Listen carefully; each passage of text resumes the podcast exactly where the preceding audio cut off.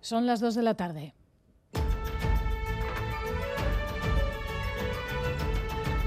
Crónica de Euskadi con Aichiber Bilbao.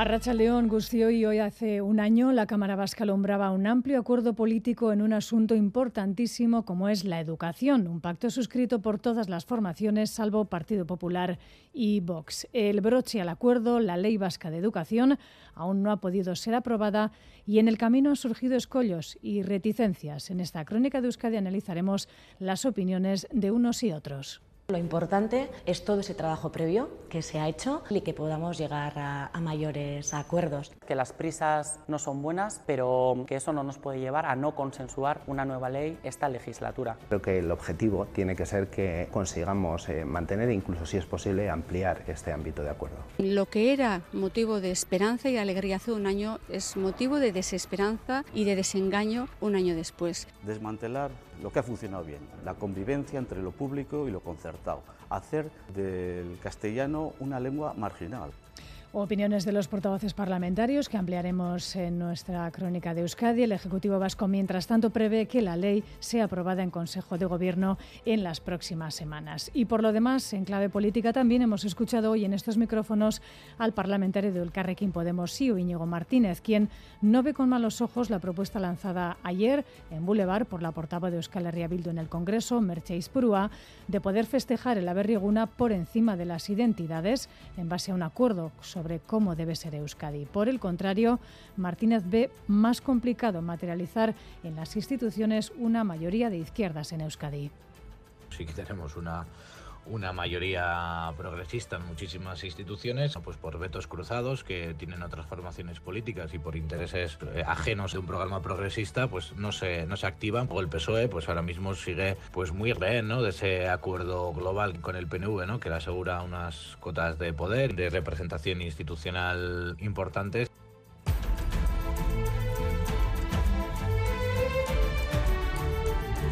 Y hoy, 7 de abril, se celebra el Día Mundial de la Salud. Se señala en el calendario porque hace 75 años los países decidieron crear la Organización Mundial de la Salud por impulso de la ONU. 75 años después, el acceso a servicios básicos de manera universal sigue siendo un asunto pendiente. Sin embargo, la investigación médica sigue produciendo avances importantes y hoy un test de detección del cáncer es noticia. Lourdes Soria, Arrachaldeón. Arrachaldeón, sí, noticia y además prometedora. Llega de la mano de científicos del Centro de Regulación Genómica de Barcelona que han logrado desarrollar por primera vez un método para medir la abundancia y las modificaciones de moléculas de ARN de transferencia. Una importante información que podría servir para detectar enfermedades como el cáncer, que a veces cuesta diagnosticar porque carece de síntomas específicos y puede confundirse con otras patologías. El método, basado en la secuenciación de estas moléculas, moléculas que actuarían como biomarcadores tiene la ventaja de que no precisa ni de pruebas de imagen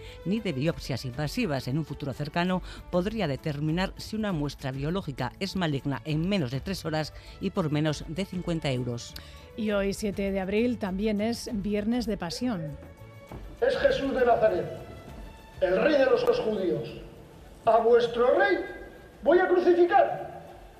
Pilato, no escriban rey de los judíos. Miles de personas han presenciado esta mañana la Pasión Viviente de Balmaseda, representación teatral en la que han participado más de 650 vecinos y vecinas.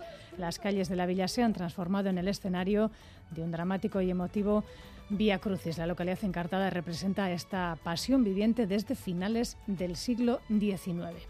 Vamos ahora ya con la última hora del deporte de la Itzulia. Diego Arambalza, Arrachaldeón. Arrachaldeón, quinta y penúltima etapa de la ronda vasca, 166 kilómetros con principio y final en Amorebieta. El pelotón ya está en marcha, así que buscamos situación de carrera. Alberto Negro, Arrachaldeón. A Ratzaldeón con 33 kilómetros que se han cumplimentado ya hasta el momento y con dos corredores del Soudal que son cabeza de carrera. Se trata del francés Remy Cabañá y de su compañero de equipo el italiano Matías Cattaneo. Ambos han saltado en las últimas estribaciones de la ascensión a Montecalvo y ahora mismo transitan con un minuto de diferencia con respecto a las primeras unidades donde trabaja el grupo deportivo Jumbo del líder eh, Jonas Vingegaard. En fútbol, mañana vuelve la liga en primera a las 2 Osasuna Elche, a las 4 y cuarto Español Athletic y a las 6 y media Real Getafe. Valverde ha dicho esto sobre los insultos y las faltas de respeto que recibió Nico Williams por redes sociales después del partido de Copa del martes ante Osasuna, lo que provocó que el menor de los Williams cerrase sus perfiles oficiales. Esto no tiene mucho que ver con el fútbol, esto tiene más que ver al final las redes sociales han salido para interconectar a la gente siempre con una buena intención, pero bueno, luego la utilización que se hace depende de otras cosas, ¿no? Y, bueno, y con respecto a Nico, pues bueno, todos esos comentarios responden más a la bajeza moral de, la, de determinada gente que a otra cosa. Pero vamos, no creo que sea nada que tengamos que comentar aquí. Y hoy comienza el mano manista, lo hace el Lekeitio con el duelo entre Urruticoechea, campeón en 2015, y el Ordi, reciente ganador del Parejas. Gracias, Diego. Al contrario que ayer a esta hora, la normalidad impera en las carreteras, eso también es noticia. Y vamos ahora con la previsión del tiempo de Euskalmet para estas próximas horas. Eusquiñe Turriol, León. A Rachaldeón, en lo que resta de día seguiremos igual, estará soleado y el ambiente será agradable en el interior, con temperaturas en torno a los 20-22 grados. En el litoral, el viento fresco del nordeste no dejará que suba tanto la temperatura, las máximas quedarán en torno a los 17 grados. Y para mañana tampoco esperamos cambios importantes, el ambiente seguirá siendo luminoso. Empezaremos la jornada con ambiente frío, aunque las mínimas serán algo más altas que hoy. Luego, en cambio, el ambiente soleado contribuirá al ascenso de las temperaturas. Mañana en el interior nos acercaremos a los 25 grados. En el litoral volverá a predominar el viento del nordeste en las horas centrales y las máximas quedarán en torno a los 18 grados. Por tanto, seguiremos con tiempo primaveral.